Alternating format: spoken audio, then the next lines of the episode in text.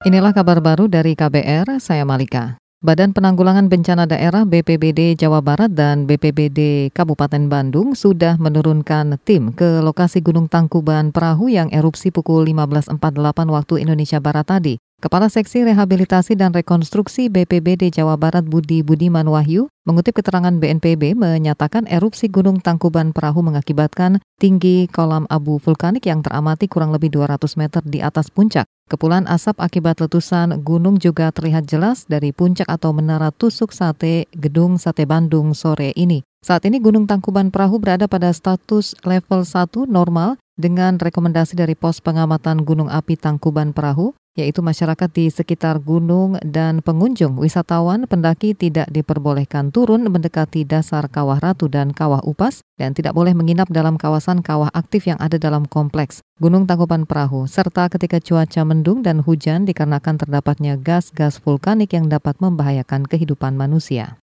Beralih ke soal lain, Brigadir RT, polisi pelaku penembakan sesama polisi di markas Polsekta Cimanggis, Depok, segera diproses secara hukum. Juru bicara Mabes Polri Asep Adi Saputra mengatakan perbuatan RT masuk ranah pidana. Ya, yang jelas pertama kali tentunya harus dilakukan proses penegakan hukum dulu.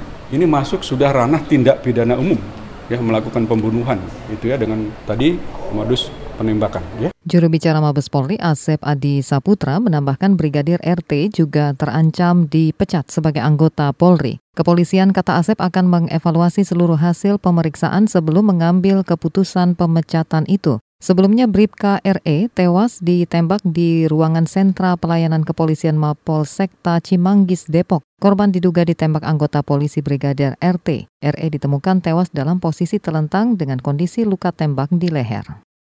Kejaksaan Agung menyebut proses amnesti korban Undang-Undang Informasi dan Transaksi Elektronik UU ITE baik Nuril Magnun tinggal menunggu aspek formal amnesti dari Presiden Jokowi. Ini disampaikan Jaksa Agung M. Prasetyo menanggapi keputusan DPR yang menyetujui pertimbangan amnesti dari Presiden Jokowi untuk baik Nuril. Semua sudah memahami dan menyetujui katanya kebijakan Pak Presiden untuk memberikan amnesti kepada baik Nuril.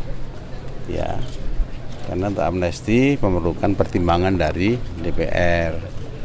Nah ketika DPR sudah secara aklamasi menyetujui dan memberikan pertimbangan itu, menyetujui Presiden untuk memberikan amnesti kepada Baik Nuril, ya kita syukuri. Jaksa Agung M. Prasetyo mengimbau masyarakat tetap waspada bila mengalami tindakan pelecehan seperti yang dialami Nuril. Para korban harus berani berbicara dan bertindak melawan pelaku. Kemarin rapat paripurna DPR RI menyetujui pertimbangan pemberian amnesti dari Presiden Jokowi untuk baik Nuril. Nuril adalah terpidana kasus pelanggaran Undang-Undang ITE dan korban pelecehan seksual oleh pimpinannya.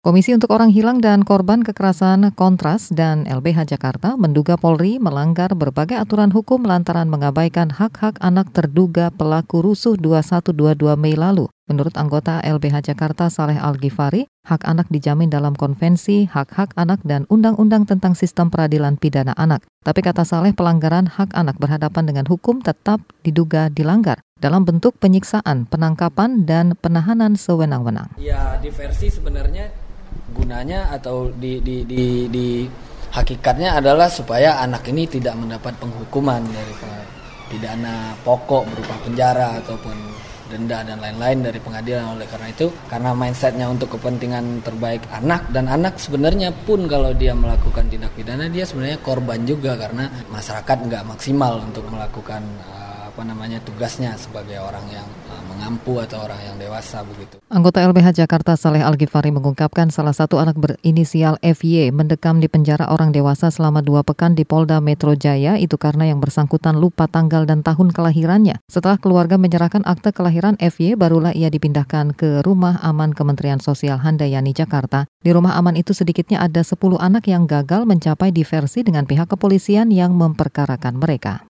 Demikian kabar baru dari KBR, saya Malika.